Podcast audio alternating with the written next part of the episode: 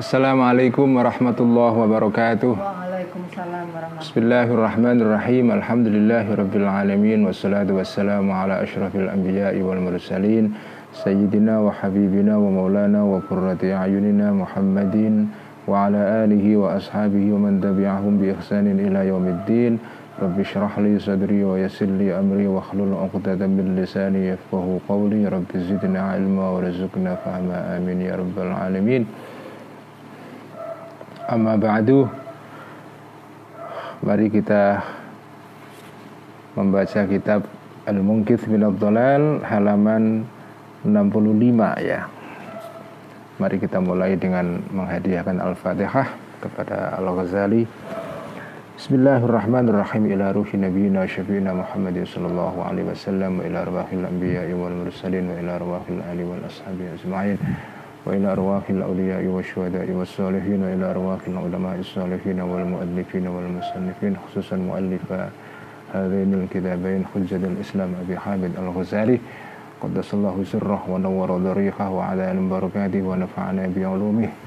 وإلى أرواح أموات المسلمين والمسلمات والمؤمنين والمؤمنات خصوصا أرواح آبائنا وأمهاتنا أجدادنا وجدادنا ومشايخنا ومشايخ مشايخنا وأصدقائنا غفر الله ذنوبهم وستر عيوبهم ويعلي درجاتهم. لهم جميعا الفاتحة. أعوذ بالله من الشيطان الرجيم. بسم الله الرحمن الرحيم. الحمد لله رب العالمين. الرحمن الرحيم. مالك يوم الدين. إياك نعبد وإياك نستعين. اهدنا الصراط المستقيم. صراط الذين أنعمت عليهم غير المغضوب عليهم ولا الضالين. آمين. بسم الله الرحمن الرحيم. الصنف الثالث. Golongan yang ketiga di antara para filosof ya yaitu al-ilahiyuna adalah para filosof yang bersifat ilahi yang punya orientasi uh, ketuhanan ya. Bukan para filosof yang murni mengkaji dan meneliti fenomena-fenomena alam yang disebut dengan at atau para filosof yang hanya menggunakan metode penalaran rasional murni yaitu para ad-dahriyun ya Nah, yang ketiga ini adalah al-ilahiyuna adalah para filosof ilahiyun. Yang dalam sejarah filsafat Yunani biasa disebut sebagai para filosof yang eh, periode setelah Sokrates ya. Dalam dalam sejarah filsafat Yunani itu ada dua periodisasi besar ya. Ada eh, masa yang disebut dengan pra Sokrates ya yaitu para filosof-filosof Yunani yang hidup sebelum Sokrates ya yang hidupnya pada abad 76 sebelum Masehi. Kemudian ada masa setelah Sokrates ya. Nah, sebelum Sokrates itu disebut sebagai kalau menggunakan istilah yang dipakai oleh Al Ghazali di sini itu disebut sebagai uh, para filosof yang al awail ya atau al-mutaqaddimun yaitu para filosof kuno artinya sebelum era Sokrates seperti misalnya salah satu yang terkenal adalah adalah seorang uh, tokoh dalam filsafat Yunani yang uh, dikenal dengan apa itu uh, filsafatnya tentang bahwa segala hal itu berubah ya. Yaitu Heraklitos ya. Uh, Heraklitos atau para atau filosof yang bernama Xenophanes ya.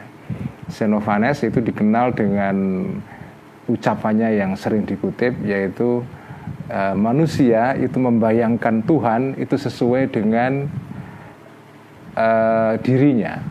Seandainya kuda itu mengerti tentang Tuhan, dia akan menggambarkan Tuhan seperti kuda juga.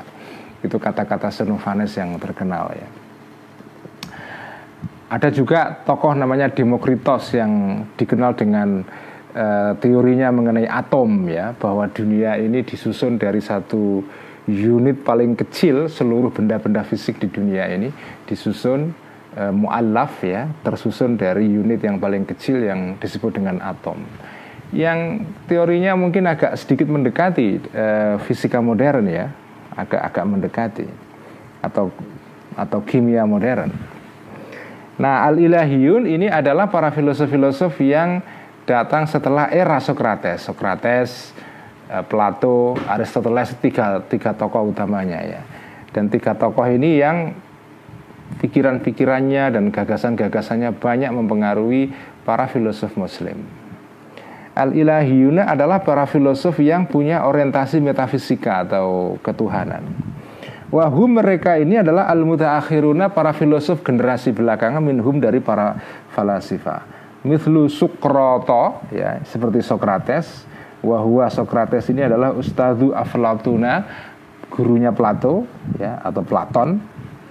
Wa Aflatuna dan seperti Plato yaitu Ustadzi Aristotolisa ya yaitu gurunya Aristoteles Wa Aristotelisu dan Aristoteles ya, huwa adalah orang alladzi yang rattaba yang menyusun, mensistematisir lahum bagi mereka semua ini al mantiqa terhadap ilmu mantek ya. Uh, ya ilmu mantek makanya dikenal sebagai mantek Aristoteles ya atau al mantikul Aristotolisi atau logika Aristotelian yang dikenal dengan kaedah-kaedah menyusun premis-premis atau kodiyah-kodiyah gitu ya. Yang dikenal dengan teorinya mengenai al-makulatul ashar atau makulah e, kategori 10 ya yang itu banyak dipakai di dalam kitab-kitab kuning itu al-makulatul ashar ya. Wahadzaba dan me, mensistematisir me, me, mengkategorisasi mem, maksudnya menyusun dengan tertib yaitu hadzaba al uluma ilmu-ilmu. Dialah yang menyusun susunan ilmu itu logika, fisika, metafisika. Kemudian setelah itu ada akhlak, ada politik ya. Ada akhlak, ada politik ya. Itulah susunan ilmu di dalam tradisi Yunani setelah setelah uh, munculnya tokoh namanya Aristoteles ini. Jadi kalau ada ilmu disebut dengan ilmu filsafat atau ilmu yang tidak bersumber dari wahyu yaitu jadi logika, fisika. Nah, dalam fisika itu di sini ada ada sedikit ada fisikanya, ada mungkin sedikit ada biologinya, ada mungkin juga sedikit ada kimianya karena yang disebut dengan fisika itu dalam istilah bahasa Arab zaman dulu itu disebut dengan at-tabi'iyat ya. Ilmu yang terkait dengan tobi'ah dengan alam ini. Nah, alam itu kan unsurnya kalau di dalam uh, ilmu sains modern itu kan ada ilmu yang terkait dengan partikel yang atau elemen yang menjadi penyusun semua benda-benda itu disebut dengan ilmu kimia atau fisika yang terkait dengan benda-benda yang tidak punya roh, tidak punya yang tidak hidup ya, yang tidak punya nyawa dan biologi yang terkait dengan ilmu yang berkaitan dengan benda-benda yang punya nyawa, organisme ya manusia, ya hewan dan seterusnya, bakteri juga ya, itu juga makhluk hidup juga itu bakteri. Nah itu, jadi makanya filsafat itu sebetulnya adalah nama yang dulu mencakup semua jenis ilmu sebetulnya. Yang di luar ilmu agama ya. Jadi kalau dulu disebut sebagai filosof itu ya pengetahuannya macam-macam ya, tidak ada spesialisasi ya, ya ada kedokteran di situ, ada ada matematikanya, ada geometrinya, ada manteknya, ada ilmu ilahiyatnya atau teologi. Jadi yang disebut dengan filosof itu ilmunya macam-macam. Pokoknya semua ilmu yang tidak bersumber dari wahyu. Makanya kalau disebut filosof dulu itu pasti dia punya pengetahuan mengenai kedokteran. Karena itu Ibnu Sina itu ngarang kitab tentang kedokteran yang judulnya adalah Al-Qanun Fitib Ibnu Rushd lawan debatnya Al Ghazali walaupun ahli fikih karena dia ahli filsafat juga ngerti kedokteran. Bahkan menulis uh, buku kedokteran yang diterjemahkan dalam bahasa Latin dan dipakai sebagai teks uh, kuliah atau textbook ya di dunia Latin di Barat Barat Kristen ketika itu sebelum era modern sebelum era pencerahan selama berabad-abad judulnya adalah Al Kulliyat ya Jadi kalau disebut dengan filosof itu sebetulnya sebutan yang kalau di dalam istilah modern mungkin istilah saintis ya. Saintis. Nah, ada saintis yang kategorinya adalah al-ilahiyun ini. Wahammaro dan me,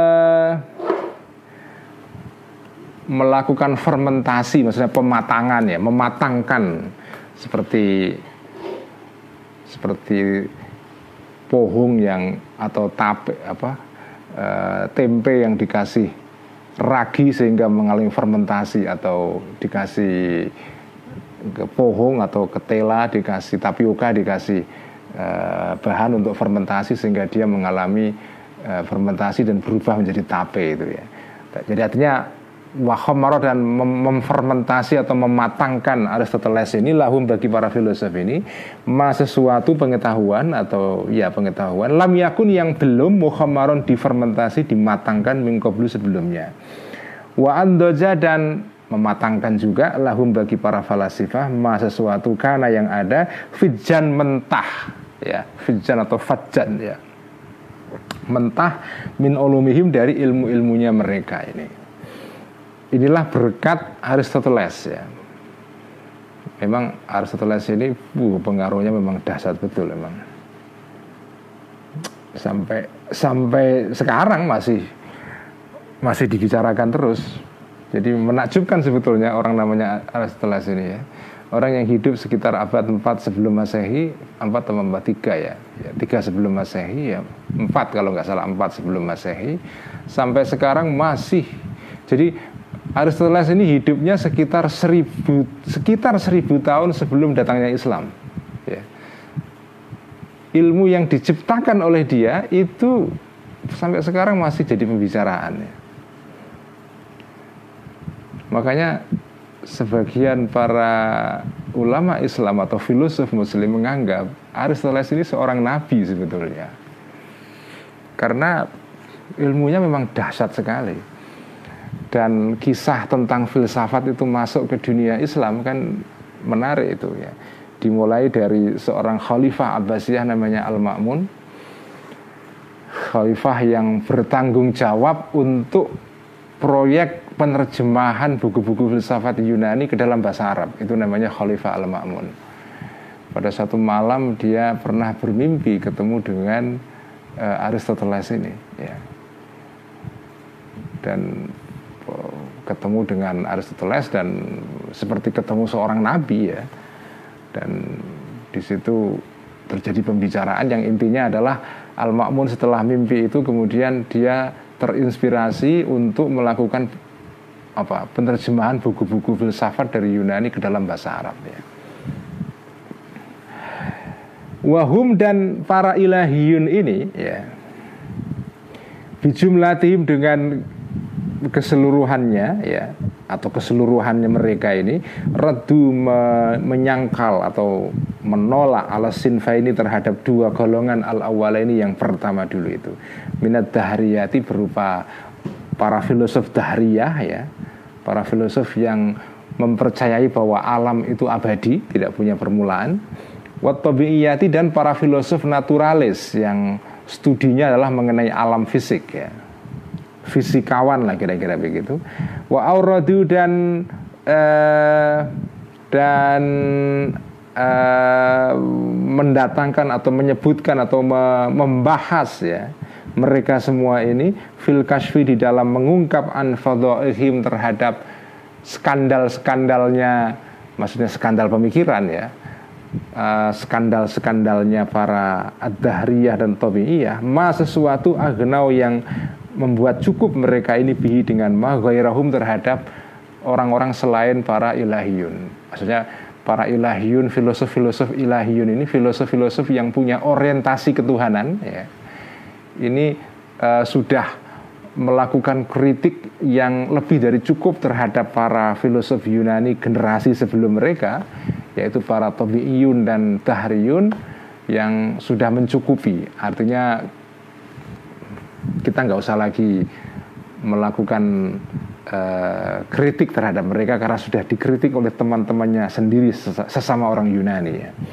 Wa kafallahul mu'minin al kita la bitaqatulihim. Wa kafa dan mencukupi Allahu Allah al mu'minina terhadap orang-orang yang beriman al kitala terhadap perang ya.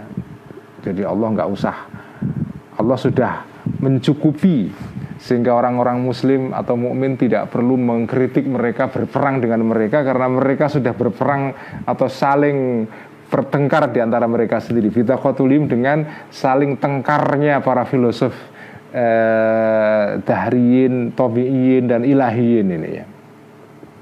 Thumaradda kemudian menyangkal menolak Aristoteles Aristoteles ala Aflatuna terhadap Aflaton Wasukroto dan Sokrates ya Waman dan para filosof karena yang ada qoblau sebelum Aristoteles ya.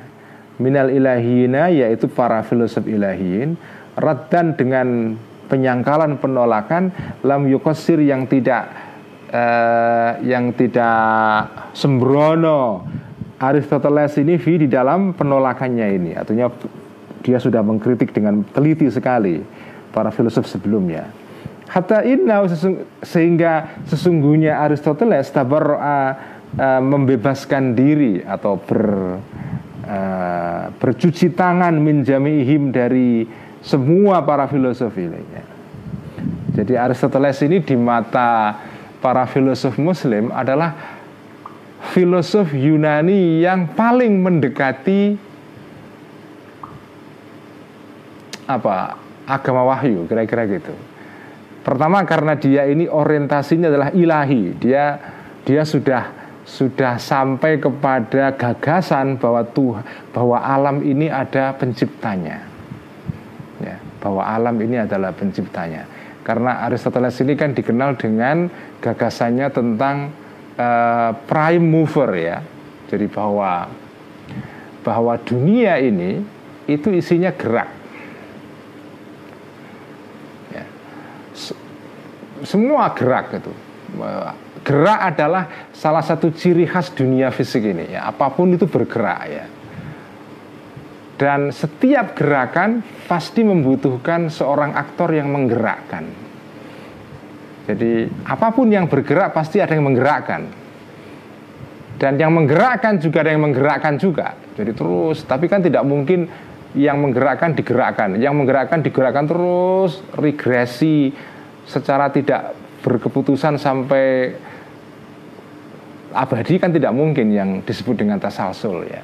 Pasti harus berhenti. Nah, siapa penggerak utama itu? Al-muharrikul awal atau prima causa apa atau prime mover ya penggerak awal yang menyebabkan semua ini bergerak yaitulah ide tentang Tuhan itu di situlah Tuhan Tuhan yang tunggal yang menjadi penggerak seluruh gerak yang ada di alam raya ini jadi sebetulnya filsafatnya Aristoteles itu sudah mendekati akidahnya orang Islam dan Aristoteles ini uh, apa mengkritik gagasan-gagasan filsafat yang ada sebelum dia. Ya. Makanya Aristoteles ini di dalam tradisi filsafat Islam disebut sebagai uh, al-muallimul awal, ya, sebagai al-muallim. Muallim kalau di, Betawi artinya ya kiai, tapi kalau dalam tradisi filsafat al-muallim artinya guru besar, ya gurunya para orang-orang bijak sejak zaman dulu disebut dengan al-muallim ya. Nah, Ibnu Rushd ulama Islam dari madhab Hanafi yang hidup setelah Al-Ghazali itu disebut sebagai asyarih ya. Ulama yang paling ngerti gagasannya Aristoteles dan mensyarai karena itu disebut sebagai asyarih, komentator ya orang yang paling ngerti tentang gagasan-gagasannya Aristoteles dan menjelaskannya dengan cukup baik. Semua buku-bukunya Aristoteles itu disyarai oleh Ibnu Rushd ya. E, dan judulnya selalu disebut dengan talhis ya. Misalnya buku-bukunya atau karyanya Aristoteles yang terkait dengan ilmu-ilmu ketuhanan al-ilahiyat itu di talhis diringkaskan dan sekaligus dijelaskan oleh Ibnu Rus dalam kitabnya judulnya Talhisuma Ba'dat Tabi'ah ya. Jadi ringkasan mengenai filsafat atau ilmu-ilmunya Aristoteles yang terkait dengan metafisika, ma ba'da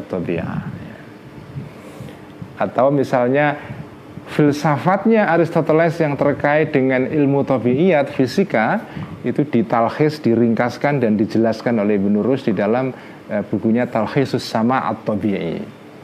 As-Sama At-Tabi'i itu judul Arab untuk karyanya uh, Aristoteles yang terkait dengan ilmu-ilmu kealaman. Disebut dengan As-Sama At-Tabi'i. Kenapa disebut As-Sama? Karena As-Sama artinya adalah kuliah-kuliah atau kom, ya ajaran-ajaran atau ya kuliah-kuliahnya Aristoteles tentang masalah-masalah kealaman atau tabiiyat ya. Jadi makanya Aristoteles ini tokoh yang dikagumi dalam sejarah Islam oleh para ulama Islam itu disebut sebagai al-muallim ya. Ya meskipun di mata Al-Ghazali walaupun Aristoteles ini sudah paling mendekati akidah Islam tapi tetap dia membawa pengaruh-pengaruh di dalam filsafat Yunani. Karena itu bagi Al-Ghazali ya Aristoteles tetap ada kelemahan-kelemahannya.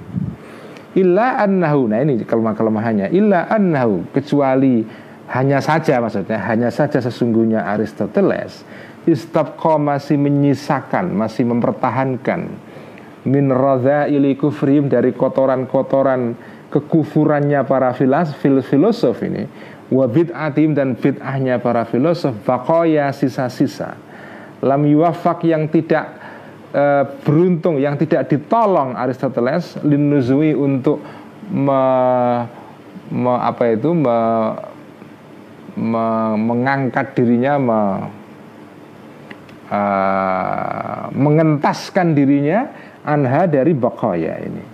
Jadi masih ada pengaruh-pengaruh filsafat Yunani. Karena itu fawajaba maka wajiblah bidzalika dengan keadaan seperti ini bahwa Aristoteles masih mempertahankan pengaruh-pengaruh dari gagasan-gagasan filsafat Yunani yang bertentangan dengan akidah Islam maka fawajaba menjadi wajib takfiruhum untuk mengkafirkan para filosof ini wa takfiru muttabi'ihim dan mengkafirkan para pengikut-pengikutnya para filosof ini min mutasal min mutafal sifatil islamiyina dari atau ya, dari para filosof-filosof orang-orang yang beragama Islam. Kabni Sina seperti Ibnu Sina wal Farabi dan Al Farabi wa amsalihima dan orang-orang yang seperti kedua orang ini. Jadi dalam kacamata Al Ghazali yang mengikuti akidah Asyariah ini ya apa pun sedekat apa pun gagasan para filosof Yunani terhadap akidah Islam terutama Aristoteles ya tetap paradigma berpikir mereka itu tidak sama dengan akidah dalam Islam ya. Karena itu tetap harus dikritik eh, pemikiran bahkan dikafirkan. Meskipun tidak semua dalam dalam semua hal dikafirkan nanti akan dijelaskan ya. Hanya dalam beberapa hal tertentu Eh, gagasan-gagasan uh, para filosof Yunani ini uh, bertentangan dengan akidah Islam dan karena itu mereka kafir ya. Ya. Ini istilah agak keras sekali memang mengkafirkan itu ya. Meskipun kita tahu ini pendapat Imam Ghazali ini di dikoreksi oleh Ibnu Rus yang datang setelahnya ya. Sebetulnya istilah kafir di sini itu maksudnya apa ya? Maksudnya sebetulnya kalau dalam pemahaman saya ya istilah kafir di sini adalah sebetulnya bahwa cara pandang dunia mereka atau yang disebut dengan dalam bahasa Jerman itu disebut dengan Weltanschauung apa ya? E, cara pandang dunia. An-nazrah al-alamiyah ya. E, world view. Jadi cara memandang dunia para filosof ini itu bertentangan dengan pandangan dunianya e, agama Islam atau akidah Islam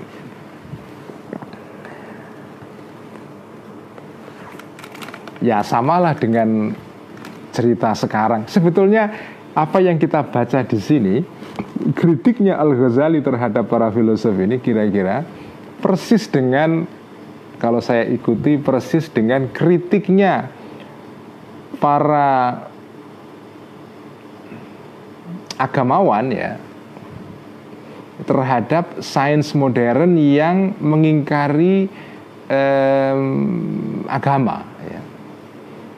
Yaitu para para saintis modern yang yang percaya bahwa dunia ini ya ya hanya dunia ini saja. Bahwa kenyataan itu ya hanya dunia fisik ini. Di luar ini tidak ada kenyataan lain.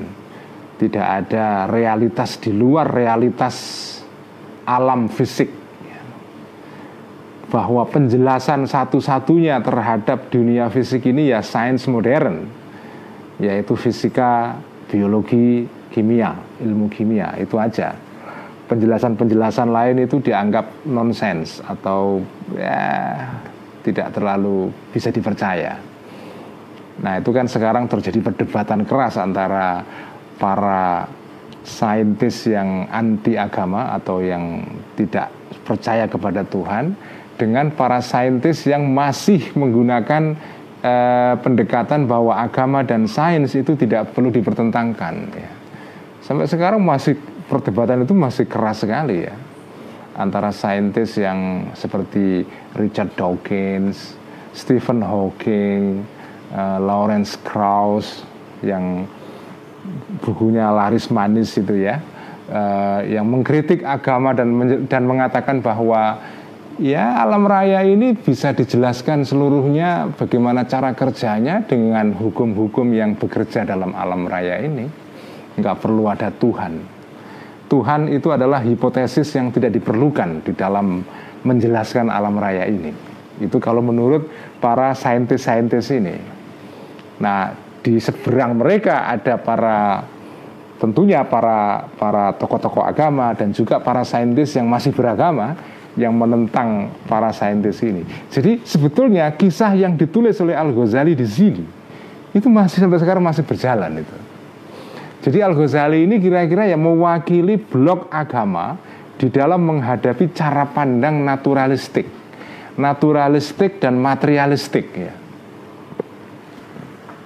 Inilah Al-Ghazali ini. Makanya saya membaca Al-Munkif ini geleng-geleng karena apa yang ditulis Al-Ghazali masih relevan sampai sekarang dan masih bekerja sampai sekarang. Kalau kalau sampean mengikuti perdebatan antara Richard Dawkins dan lawan-lawannya ya para saintis-saintis di Eropa maupun di Amerika yang masih melihat bahwa agama dengan sains itu tidak bertentangan ya itu persis argumentasi yang digunakan oleh para saintis yang masih memegangi agama melawan orang-orang seperti Richard Dawkins yang materialistik ya yang dimaksud dengan materialistik itu artinya ya bahwa materi itu adalah segala-galanya. Sesuatu yang tidak material itu nggak ada. Tuhan nggak ada karena nggak material. Maksudnya tidak berupa materi yang bisa diindera ataupun di, di, dipegang ataupun dilihat itu ya. Inilah perdebatan yang sejak zaman Al Ghazali sampai sekarang itu masih terus berlangsung. Ya. Makanya kalau yang tertarik dengan perdebatan-perdebatan kontemporer antara agama melawan sains ya uh, itu membaca al-munkith ini bisa menjadi ilham inspirasi yang menarik sebetulnya. Uh, ala annahu. Hanya saja ala annahu. Hanya saja sesungguhnya eh, apa itu? Sesungguhnya hal berikut ini pemeriksaan ini lam yakum tidak melakukan binakli ilmi Aristotelisa untuk memindahkan atau menerjemahkan ilmu-ilmunya Aristoteles ya ahadun seseorang min mutafalsifatil islamiyina dari para filosof orang-orang Islam kakiyami hadaini rajula ini seperti usaha yang dilakukan dua orang ini yaitu Ibnu Sina dan Al-Farabi. Banyak para filosof muslim tapi tidak ada orang yang se yang menerjemahkan dan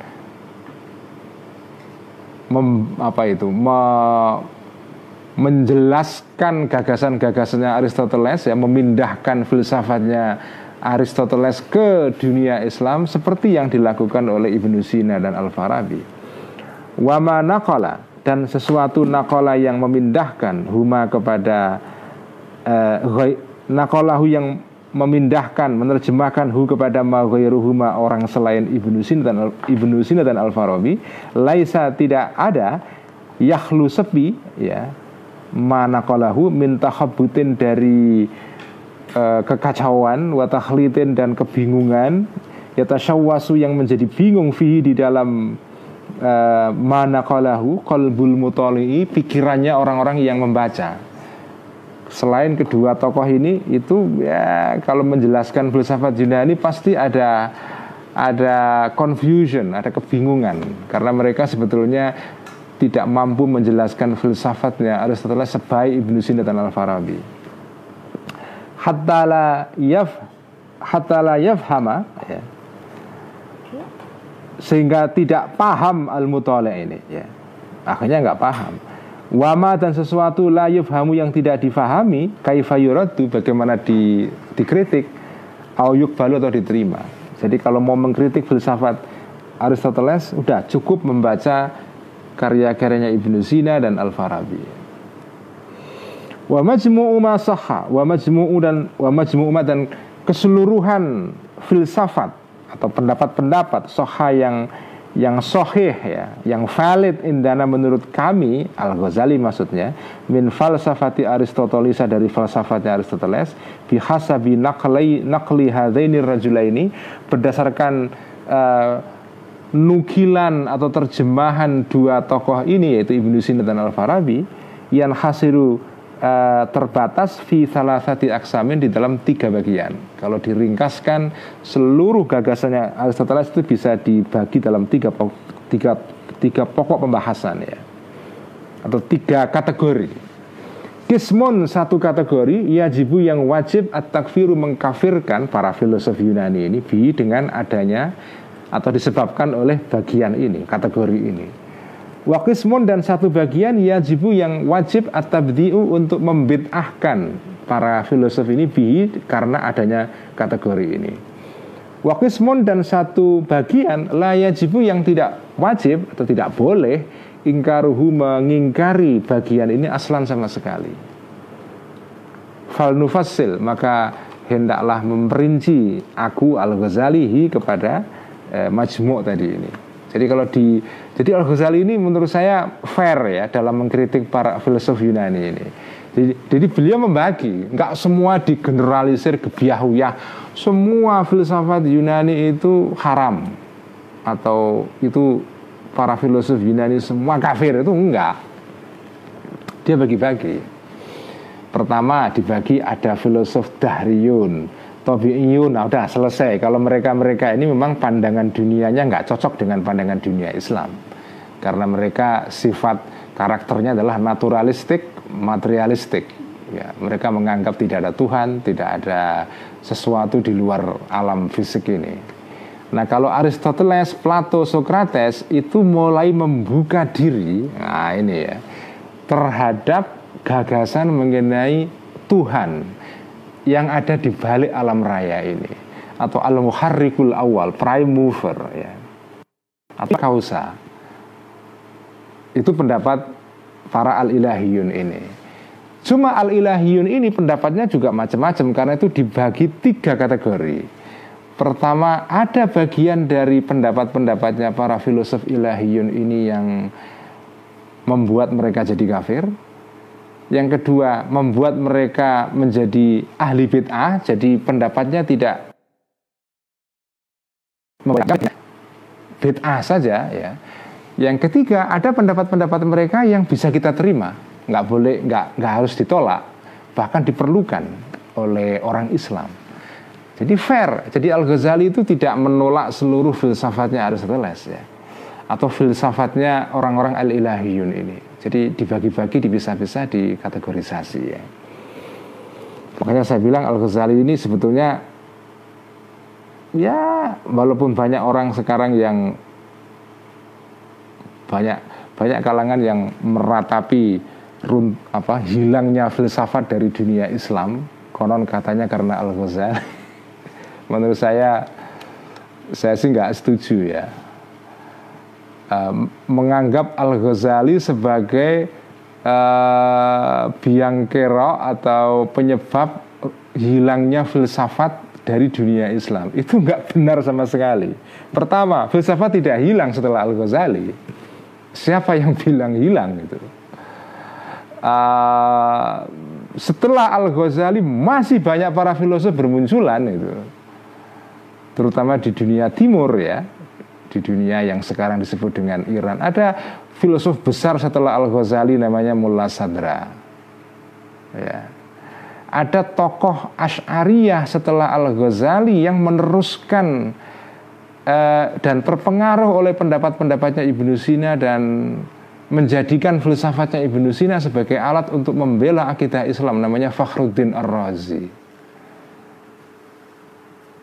Um, banyak tokoh-tokoh setelah Al-Ghazali yang yang apa belajar filsafat sebetulnya dan filsafat itu kemudian diadopsi sebagai bagian dari ilmu kalam, ilmu teori ya. Jadi ilmu filsafat yang sudah dijinakkan, didomestifikasi, di, dijinakkan sehingga dia menjadi bagian dari ilmu kalam. Ya. Ada tokoh namanya Fakhruddin Ar-Razi, ada namanya Adudud, Adududdin Al-Iji, ada Sa'duddin At-Taftazani. Banyak sekali ya jadi menganggap bahwa filsafat setelah Al-Ghazali mati di dalam dunia Islam itu tidak benar sama sekali. Masih ada Ibnu Rus setelah Al-Ghazali. Ya. Nah, kalaupun filsafat itu kemudian tidak populer di dalam lembaga-lembaga pendidikan Islam, itu mungkin memang pada dasarnya filsafat ini sejak awal sebetulnya tidak hanya oleh Al-Ghazali saja itu memang oleh para ulama sebetulnya tidak terlalu disukai karena ini dianggap sebagai ilmu-ilmu yang asing datang dari Yunani. Tapi sebetulnya filsafat itu sebagian itu diadopsi bagian dari filsafat itu diadopsi bahkan sampai pondok-pondok di pesantren di Jawa itu masih meneruskan ini ilmu filsafat Yunani meskipun tidak semua ya itu bagi, salah satu bagiannya yaitu mantek. Jadi misalnya sampai sekarang ini ilmu mantek itu masih diajarkan di pondok-pondok melalui kitab namanya Sulam Munaurok atau Risalah Syamsiyah atau Isa Huji ya. Dulu waktu saya di pondok itu kadang-kadang heran saya. Kitab kok judulnya Isa, Isa Huji itu apa maksudnya ya? ternyata itu uh, diterjemahkan dari isagoge ya yaitu uh, apa terjemahan dari uh, salah satu bagian dari karya filsafatnya Aristoteles yang disebut dengan organon ya organon itu ya mantek itu organon itu adalah aturan berpikir ya itulah mantek ya sampai sekarang masih diajarkan di pondok pesantren jadi pondok pesantren itu secara tidak sadar mereka sebetulnya masih meneruskan tradisi pengajaran filsafat dalam dunia Islam. Dan kenapa mantek itu masih diajarkan di pondok? Jangan lupa loh ya, mantek itu bagian dari filsafat. Jangan lupa itu. Mantek itu bagian dari ilmunya Aristoteles. Ya. Sebelum sampai belajar fisika, belajar uh, ilahiyat, belajar akhlak, belajar siasah dalam seluruh karyanya filsafatnya Aristoteles itu bagian awalnya adalah mantek. Ya. Nah itu masih diajarkan di pondok. Kenapa mantek ini masih diajarkan di pondok? Itu sebetulnya saya bilang gara-gara Al Ghazali. Karena Al Ghazali menganggap bahwa mantek itu adalah bagian dari ilmu filsafat Yunani yang tidak boleh ditolak. Bahkan beliau itu sampai berpendapat orang yang tidak tahu mantek ilmunya tidak bisa dipercaya. Itu yang menjelaskan kenapa mantek itu diajarkan terus sampai sekarang ini. Yang bertanggung jawab mempertahankan bagian dari filsafat Yunani ini bertahan di dunia Islam sampai sekarang ini, bahkan diajarkan di pondok-pondok yang tradisional banget, itu gara-gara Al-Ghazali. Jadi menganggap Al-Ghazali membunuh filsafat itu nggak fair banget. Pertama, filsafat hilang itu faktornya banyak sekali dari dunia Islam. Bukan karena Al-Ghazali, ya. Karena setelah Al-Ghazali masih banyak para filosof itu bermunculan itu loh. Ya kalau menurut saya sih salah satunya karena terlalu kuatnya faktor tradisionalisme dalam dunia Islam ya. Yang itu sangat tidak menyukai ilmu-ilmu yang rasional ya.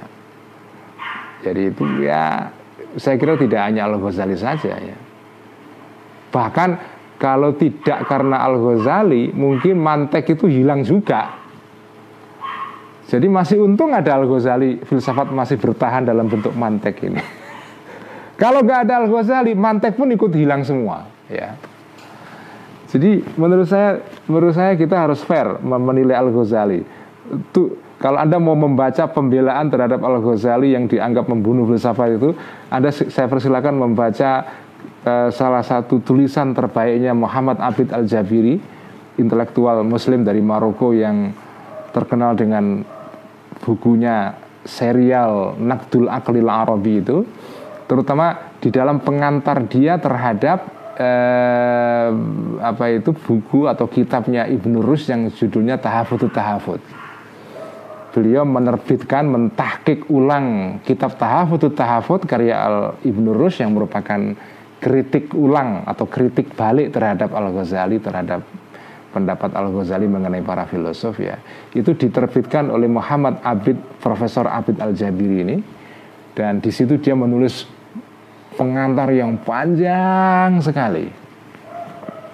Dan di situ kesimpulan dia tidak benar filsafat itu mati di dunia Islam maksudnya ya.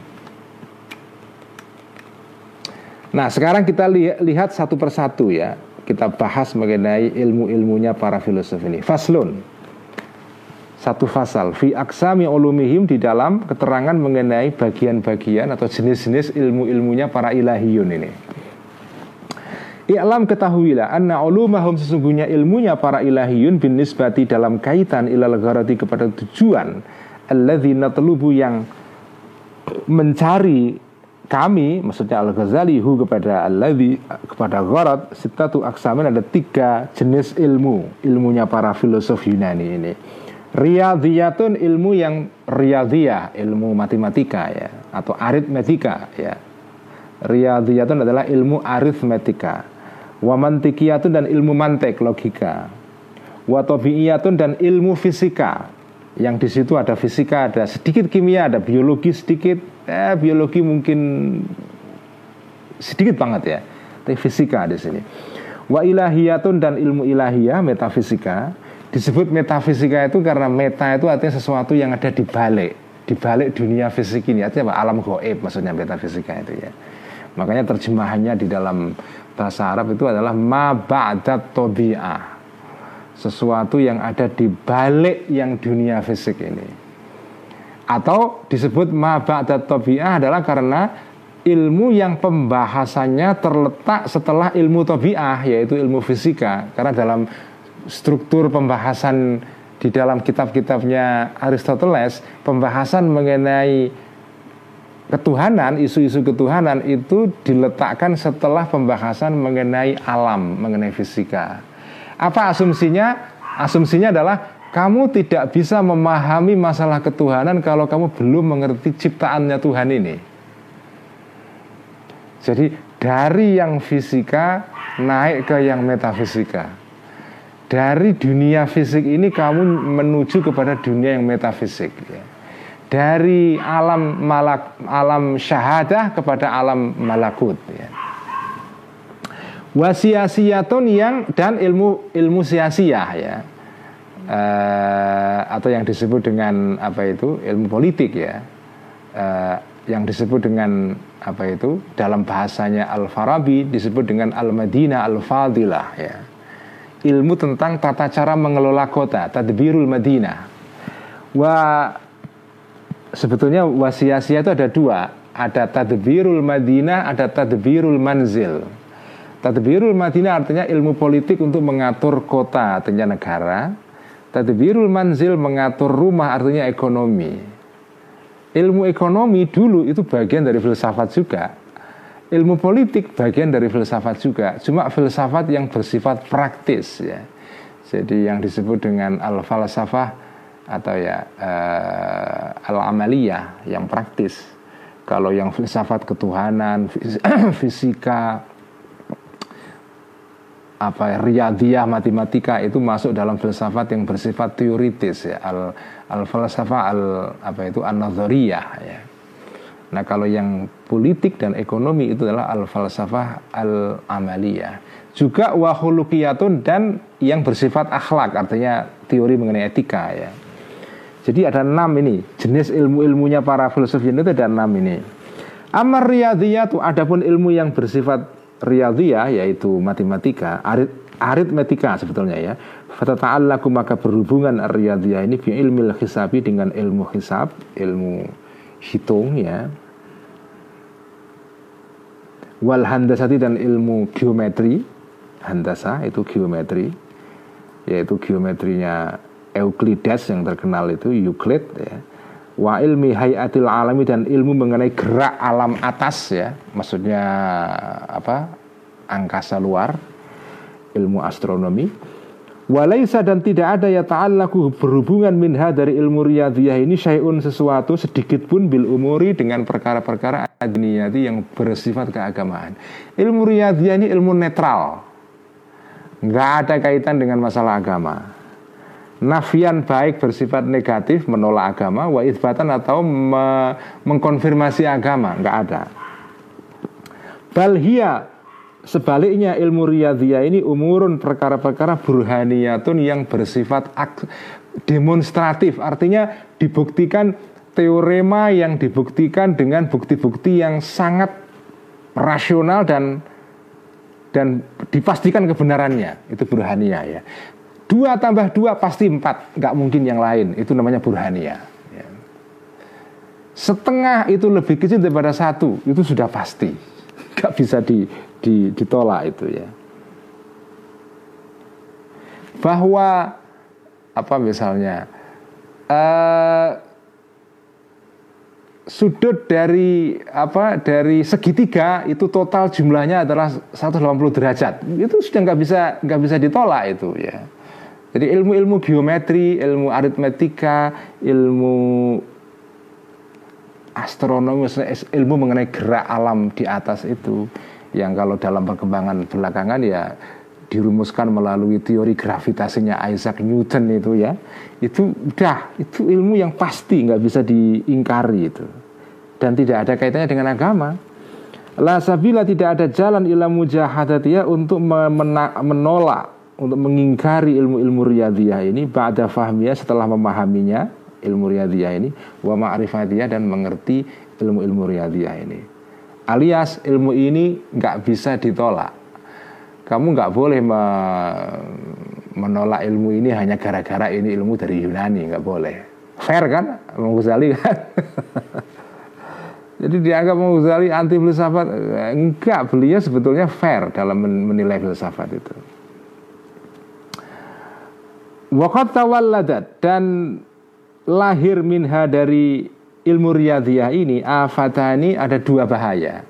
Meskipun ini ilmu yang bersifat burhaniyah artinya sudah dibuktikan kebenarannya secara rasional nggak mungkin ditolak. Tapi ada akibat-akibat yang harus diwaspadai. Pertama, ikhdahuma. Salah satu dari afatani adalah anaman sesungguhnya orang yang dulu yang melihat atau me, menalar fiha di dalam ilmu-ilmu riyadhiyah ini fayata'ajjabu maka menjadi heran orang ini min daqaiqiha dari detail-detailnya ilmu riyadhiyah ini wa min zuhuri barohiniha dan dari jelasnya atau gamblangnya hujah-hujahnya atau argumen-argumennya ilmu riyadhiyah ini yahsunu menjadi menjadi baik. Bisa babi karena gara-gara ini gara-gara orang melihat terhadap detail-detail argumen ilmu riyadhiyah i'tiqadu menjadi baik i'tiqadu etikatnya orang ini fil falasifati di dalam orang-orang filsafat. Karena itu fayahsibu maka mengira orang ini anna jami'a ulumihim sesungguhnya semua ilmu-ilmunya para filosof fil wuduhi di dalam kejelasannya wa wathaqatil burhani dan dalam kekuatan hujahnya itu kehadal ilmi seperti ilmu ini jadi orang yang tidak paham tentang seluk beluk filsafat Aristoteles atau ilmu filsafat Yunani itu dia menganggap bahwa karena gara-gara dia melihat ilmu filsafat bagian riyadhiyah itu begitu kokoh dalilnya atau bukti-buktinya dia menganggap semua filsafat Yunani itu kekokohan dalilnya itu seperti itu semua. Sehingga dia akan berkesimpulan oh semua filsafat Yunani harus diterima tanpa reserve. Nah, ini ini ini akibat yang kurang positif ya. Harus diwaspadai. Itu namanya afat afatun ya. Semayakunu kemudian ada qad sami'a mendengar min kufrihim tentang kekufurannya para filosof ilahiyun wa ta'tilihim dan tentang pengingkarannya para fil filosof ilahiyun maksudnya pengingkaran terhadap eh, apa itu sifat-sifat Tuhan misalnya. Watahawunihim dan kesembronoannya para filosof bisyari terhadap aturan agama terhadap agama maksudnya. Ma eh, maf'ulnya samia ya. Eh, sesuatu ma sesuatu tadawat tadawalat ya. Kot samia mendengar man ini ya tadi fa'ilnya samia itu man rujukannya nah maf'ulnya adalah ma sesuatu tadawalat yang um, apa itu mengedarkan al al hu kepada ma al al sunu uh, lesan artinya sesuatu yang diomongkan oleh banyak orang gitu. Ya. Fayak furu maka menjadi kafir orang ini man tadi itu ditaklidi dengan taklid al mahdi yang murni. Wayakul dan berkata orang ini ya laukana dinu haqqan laukana jika ada ad-dinu agama haqqan itu benar tafa maka tidak mungkin menjadi samar menjadi menjadi terhalang ala haulai terhadap para filosof ilahiyun ini ma'atadukikihim dengan ketelitiannya para filosof ini fi ilmi di dalam ilmu ini. Maksudnya apa? Orang yang tadi itu membaca bagian filsafat Yunani yang bagian matematika atau riyadhiyah dan melihat kekokohan dalilnya, bukti-buktinya, sehingga dia berkesimpulan bahwa filsafat Yunani itu semuanya adalah ya seperti itu kekokohan dalilnya. Artinya apa? Semua benar, semua harus diterima tanpa reserve. Nah, ini baru pertama. Kedua, orang ini berpikir kalau agama itu benar, Masa orang filosof Yunani yang pinternya seperti itu tidak tahu? Jadi kalau agama itu benar, kenapa kok agama ini tidak dibicarakan oleh para filosof Yunani ini? Padahal mereka ilmunya sekuat itu, seperti dia bayangkan melalui ilmu riyadhiyah itu ya ilmu aritmetika itu. Jadi kalau begitu kesimpulannya agama ini nggak benar. Karena apa? Karena orang Yunani, para filosof yang keren-keren itu yang yang jaduk-jaduk ilmunya itu itu mereka nggak pernah bahas ilmu agama. Ya, kira-kira kalau diterjemahkan dalam bahasa modern sekarang, kalau agama itu masuk akal, kalau agama itu benar ya. Masa sih para saintis yang keren-keren yang bisa menjelaskan segala fenomena alam ini mereka tidak ngerti kebenaran agama. Kalau para filosof apa para saintis modern itu umumnya yang generasi sekarang ya banyak yang ber, punya pandangan yang agnostik atau ateis atau tidak percaya Tuhan. Kalau begitu mereka ini mereka ini berarti uh, bisa menjadi teladan karena masa orang-orang sepinter para saintis itu mereka tidak ngerti bahwa Tuhan nggak ada, apa Tuhan ada misalnya. Berarti kalau mereka mengatakan Tuhan itu tidak ada, berarti memang tidak ada. Karena kalau kalau ada pasti mereka akan tahu melalui ilmu-ilmunya yang keren itu. Inilah kesimpulan yang dimiliki oleh orang yang punya husnudzon terhadap seluruh ilmunya filsafat Yunani tanpa dipilah-pilah kritiknya Al Ghazali ini sebetulnya masih relevan sampai sekarang. Ya. Banyak orang yang terpukau dengan para dengan sains modern kemudian berkesimpulan bahwa agama nonsens. Sekarang kan lagi lagi mode di sebagian kalangan ya untuk dia gara-gara Richard Dawkins nulis buku God, Del God Delusion itu yang laris manis kayak kacang goreng itu. Buku bestseller itu terbit tahun pertama kali tahun 2006 kalau nggak salah ya ya. Wah langsung meledak itu. Dan gara-gara itu kemudian banyak orang yang menjadi anti agama ya. jadi orang-orang yang percaya kepada sains itu langsung kesimpulannya kalau sains benar berarti agama salah. Kalau filosof Yunani itu dalilnya kokoh berarti nggak mungkin mereka nggak ngerti agama. Nggak mungkin mereka nggak nggak kenapa mereka kok kalau mereka tahu agama itu penting kok kenapa nggak membahas agama? Kenapa tidak ada agama di dalam karya-karya mereka ini tidak ada syarak maksudnya ya jadi tidak adanya pembahasan mengenai agama di dalam karya-karya filsafat ini menunjukkan bahwa agama ini ya nggak benar salah jadi filsafat Yunani menjadi ukuran standar untuk menghakimi agama Islam. Ya. Gara-gara orang yang seperti ini ya.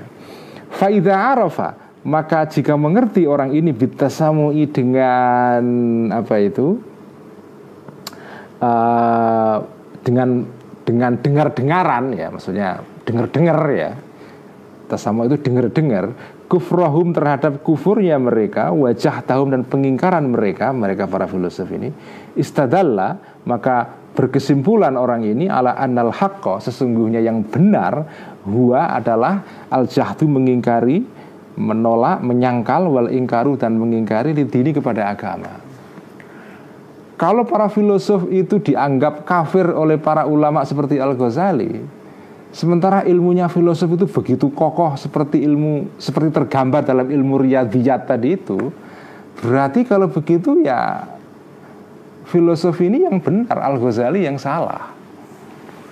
Bahwa bahwa agama salah, filosof yang benar. Yang benar adalah mengingkari agama seperti para filosof ini. Ini gara-gara orang yang tidak memisah-misahkan antara beberapa jenis di dalam filsafat Yunani ini. Ada bagian yang memang bisa diterima, ada yang tidak boleh diterima karena berlawanan dengan paradigma uh, akidah Islam dan seterusnya. Jadi menurut saya ini sampai sekarang apa yang dikatakan Al Ghazali ini masih relevan ini ya.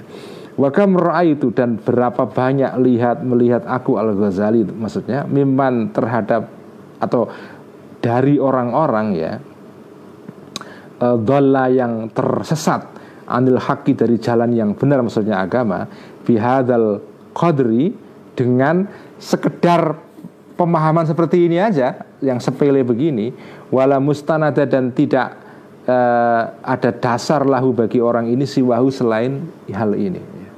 Betapa banyak orang yang terkecoh terpukau oleh falsafah Yunani dan kemudian menganggap agama salah hanya karena pemahaman seperti ini.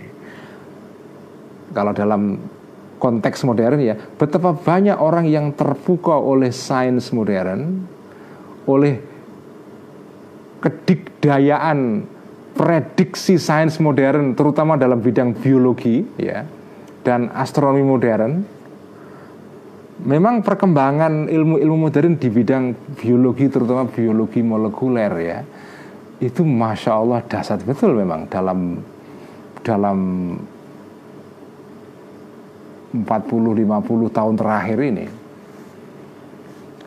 Sejak ditemukannya apa itu teori atau bukan teori tapi ditemukannya apa itu uh, fenomena DNA atau DNA ya yang menjadi uh, apa itu kode dasar di dalam ya ini terbentuknya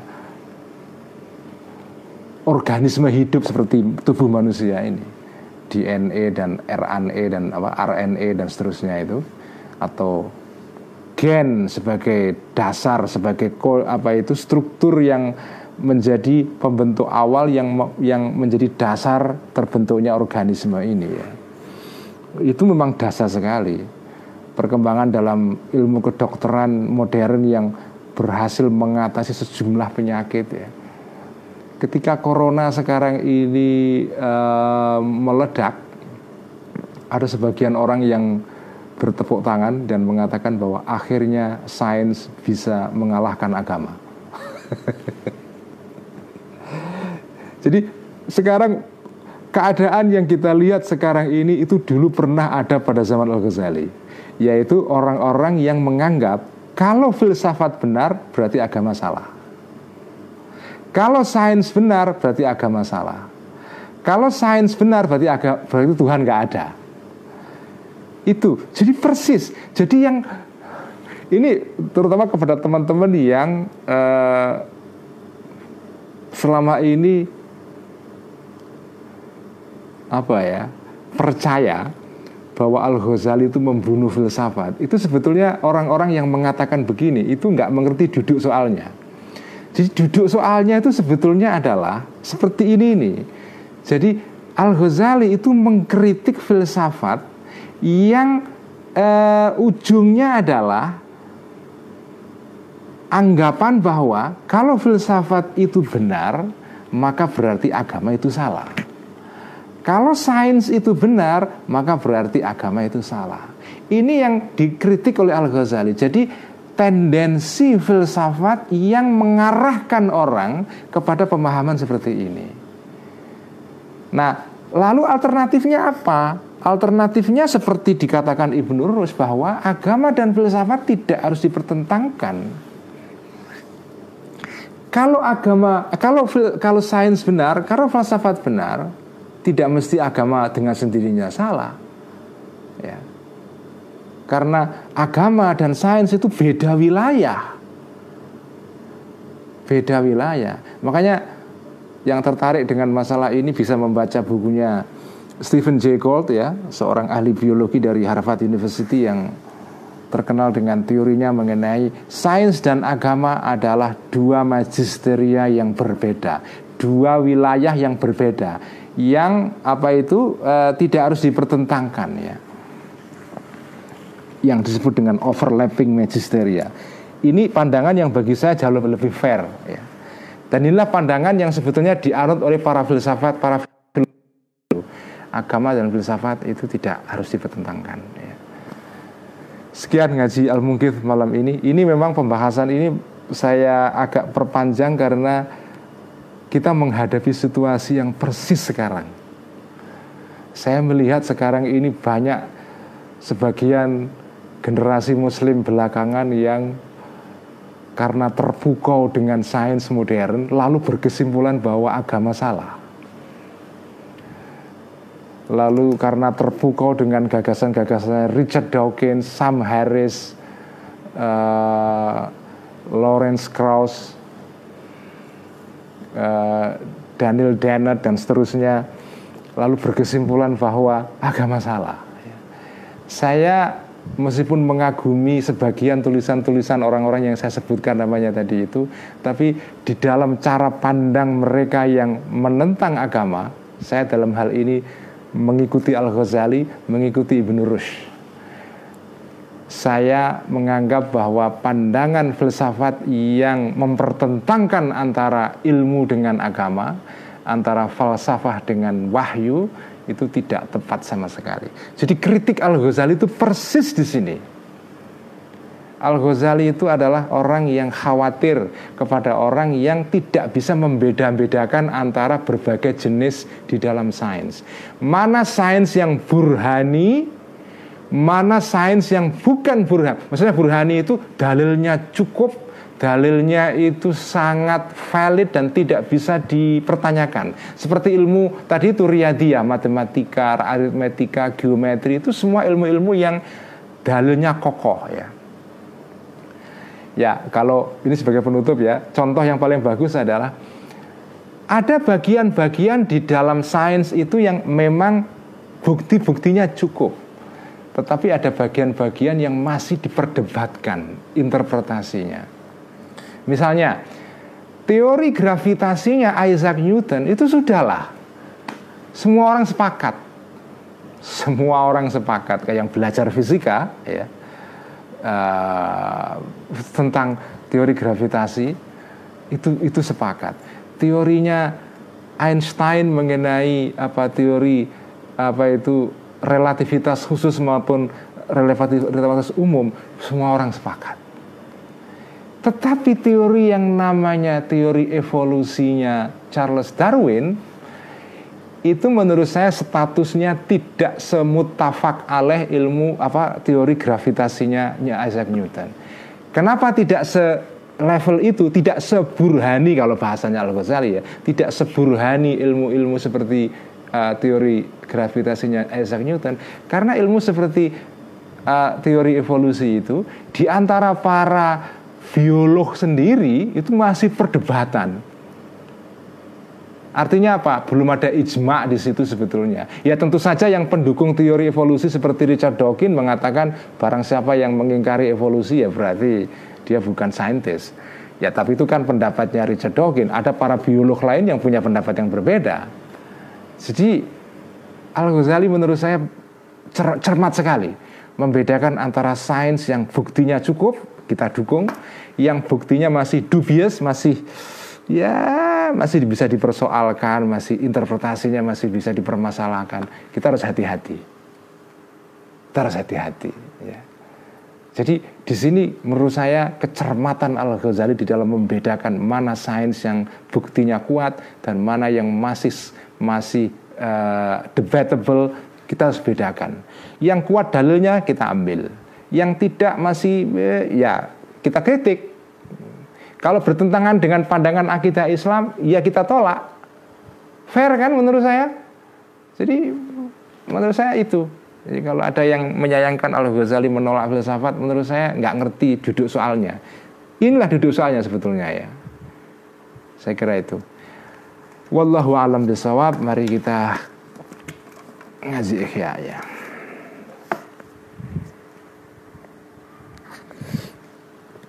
A'udzu billahi. Bismillahirrahmanirrahim. Alhamdulillah Rabbil Alamin Wassalatu wassalamu ala ashrafil mursalin Sayyidina Mulana Muhammadin Wa ala alihi wa ashabihi asma'in Amma ba'du Qala al-muallif rahimahullahu ta'ala Wa nafa'ana bihi wa bi'ulumihi Fi dharaini amin Rabbi yasir wa'ain Ikhya di halaman 992 Di paragraf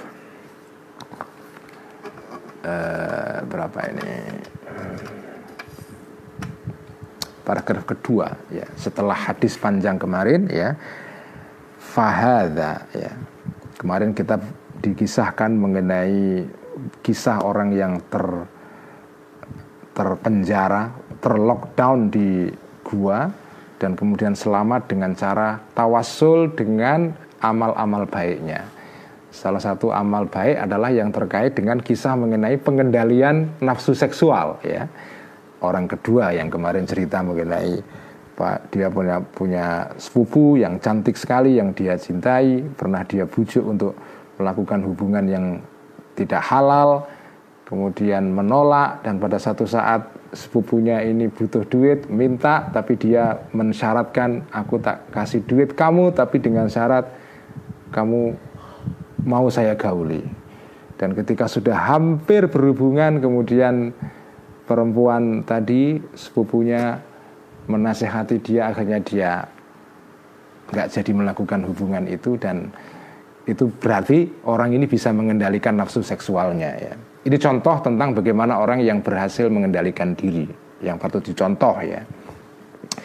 Nah setelah kisah ini maka fahada Maka ini semua adalah fadluman keutamaan orang tamakana yang mungkin yang mampu ya mingkodoi ahadihi syahwati dari memenuhi syahwatnya syahwat seksualnya. Ini contoh-contoh orang yang sudah nggak ada halangan untuk memenuhi syahwatnya tapi fa'afa maka menjaga diri orang ini menjauh dari syahwatnya ini. Wayak rubu dan dekat minhu dari orang semacam ini Man adalah orang tamakana yang jadi ini yang pertama ini adalah tingkatan paling tinggi, mampu mengeksekusi syahwatnya, tapi kemudian meng, ber, ber, bisa mengendalikan.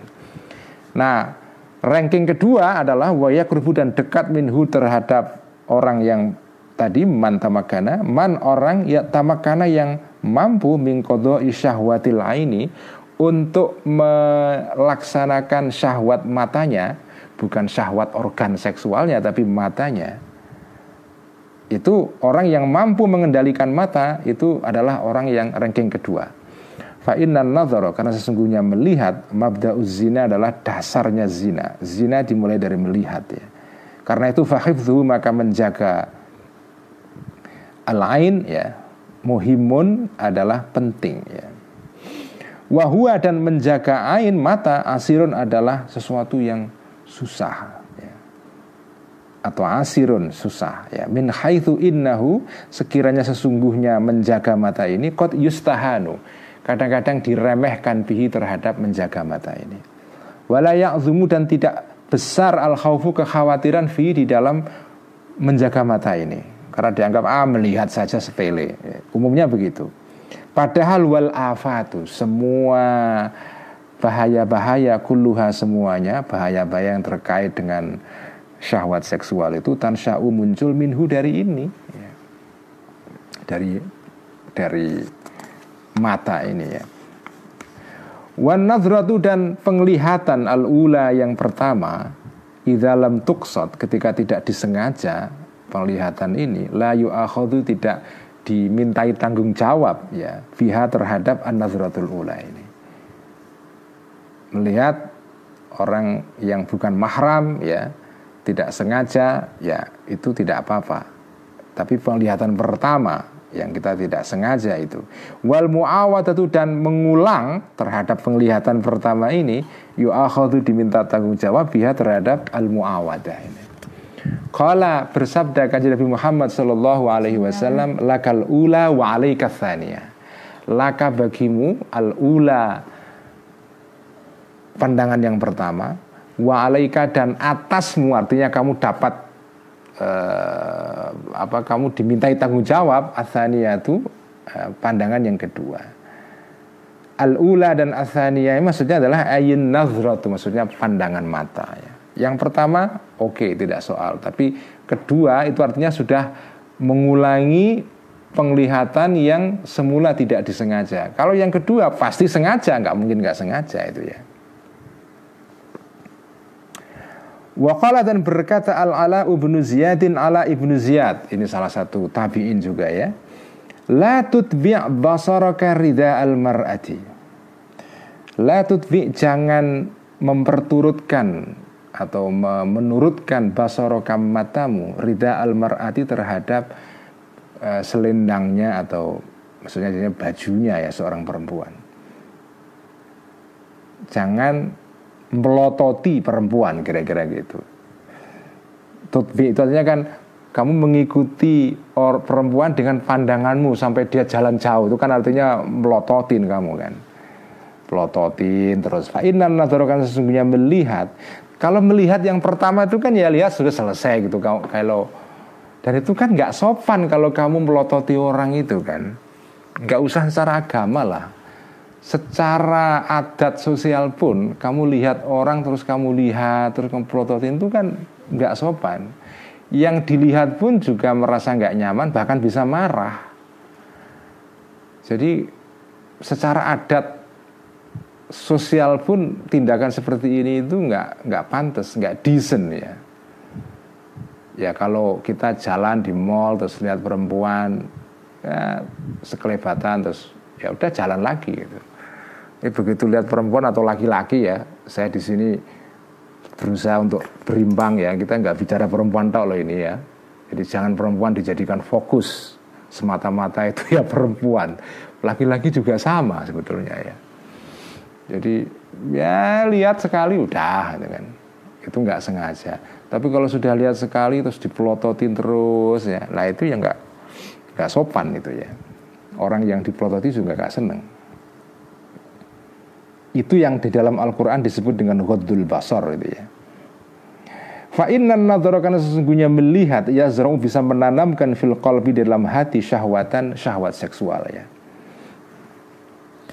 Wa dan sangat sedikit ya wa qallama yakhlu dan sangat sedikit uh, bebas al insanu manusia fitardadihi di dalam fitarda fitardadatihi kalau dalam edisi yang Ibnu Hazm apa ya? Fi eh, tardadihi. Kalau edisi Darul Minhaj fi tardadatihi saya kira saya lebih suka atau bukan lebih suka lebih memandang tepat yang edisi Darul Ibnu Hazm ya. Fi tardadihi. Di dalam mengulang-ulang penglihatannya orang ini jadi tidak hanya memandang sekali tapi berulang-ulang plototin itu ya. An wuku'il basori ya eh, untuk atau dari tidak bebas an wuku'il basori dari eh, jatuhnya pemandangan pandangan ala nisai terhadap perempuan wasibiani dan eh, anak-anak, maksudnya anak-anak yang belum dewasa, yang belum tumbuh jenggot dan cambangnya, yang disebut dengan amrot itu ya. Famahma takhayala, maka sekali, maka ketika, maka kapan pun ya, ketika eh, takhayala muncul bayangan-bayangan ilahi kepada orang al-insan ini, al-husnu kecantikan atau kegantengan ya, takodo maka menuntut atau ya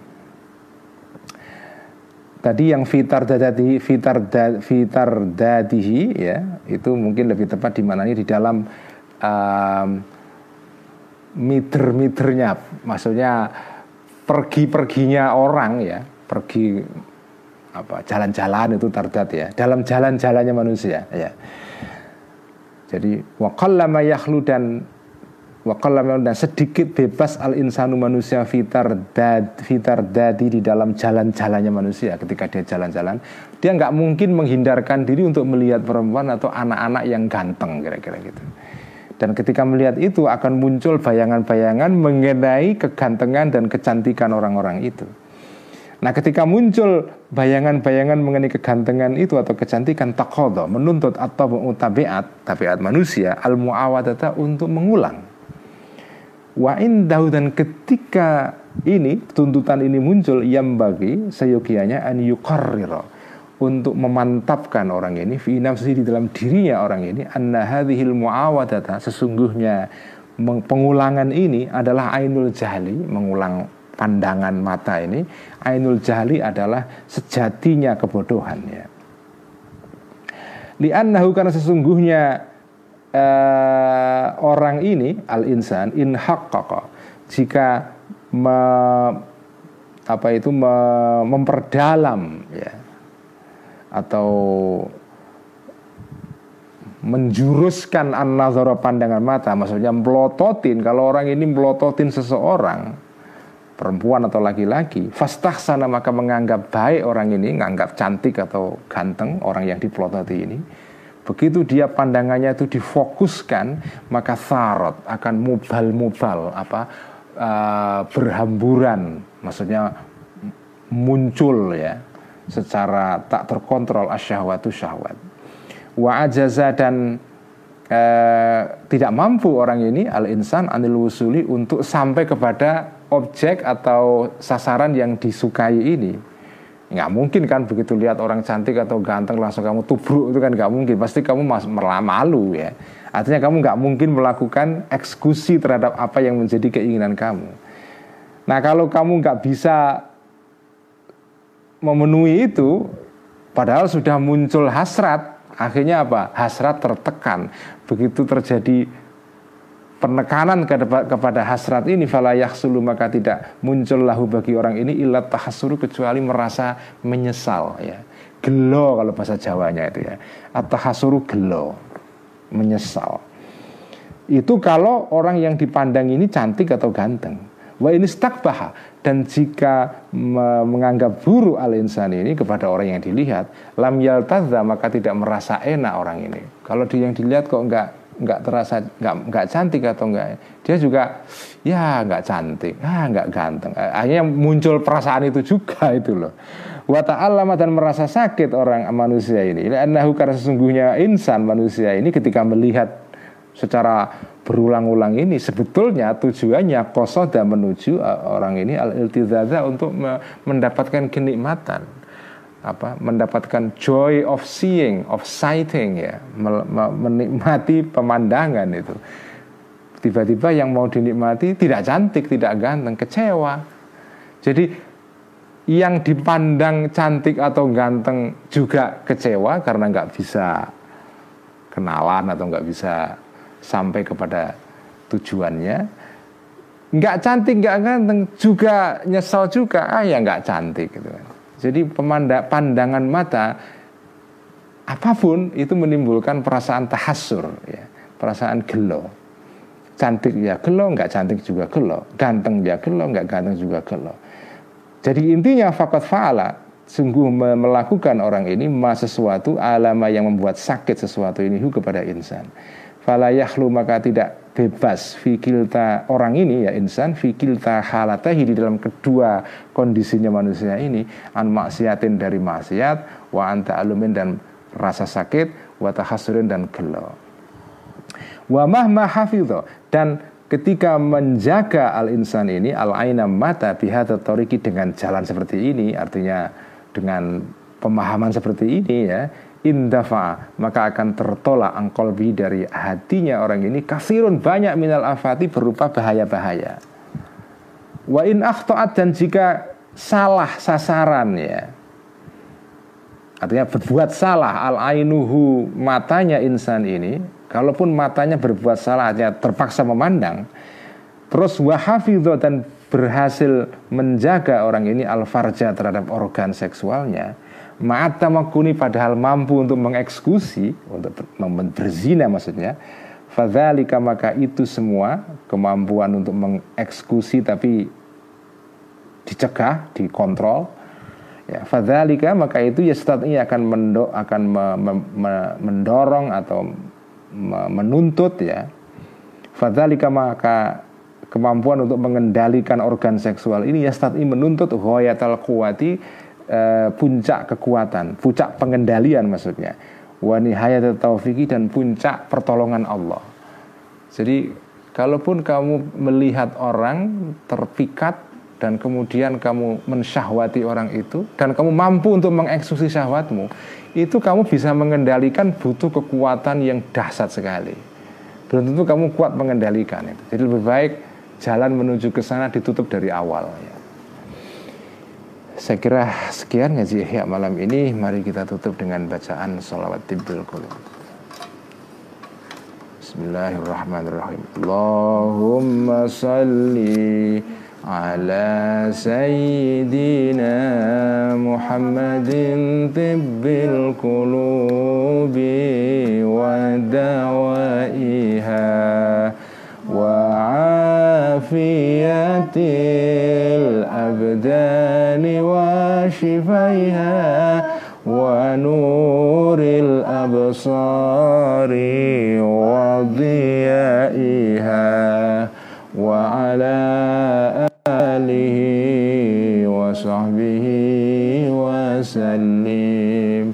اللهم صلِّ على سيدنا محمد طب القلوب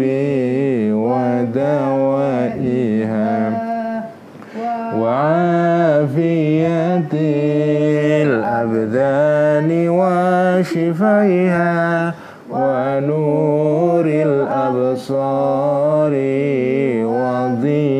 وضيائها وعلى وصحبه وسلم. اللهم صل على سيدنا محمد طب القلوب ودوائها وعافية الأبدان وشفيها ونور أبصاري وضيائها وعلى آله وصحبه وسلم. سكيان والسلام عليكم ورحمة الله وبركاته.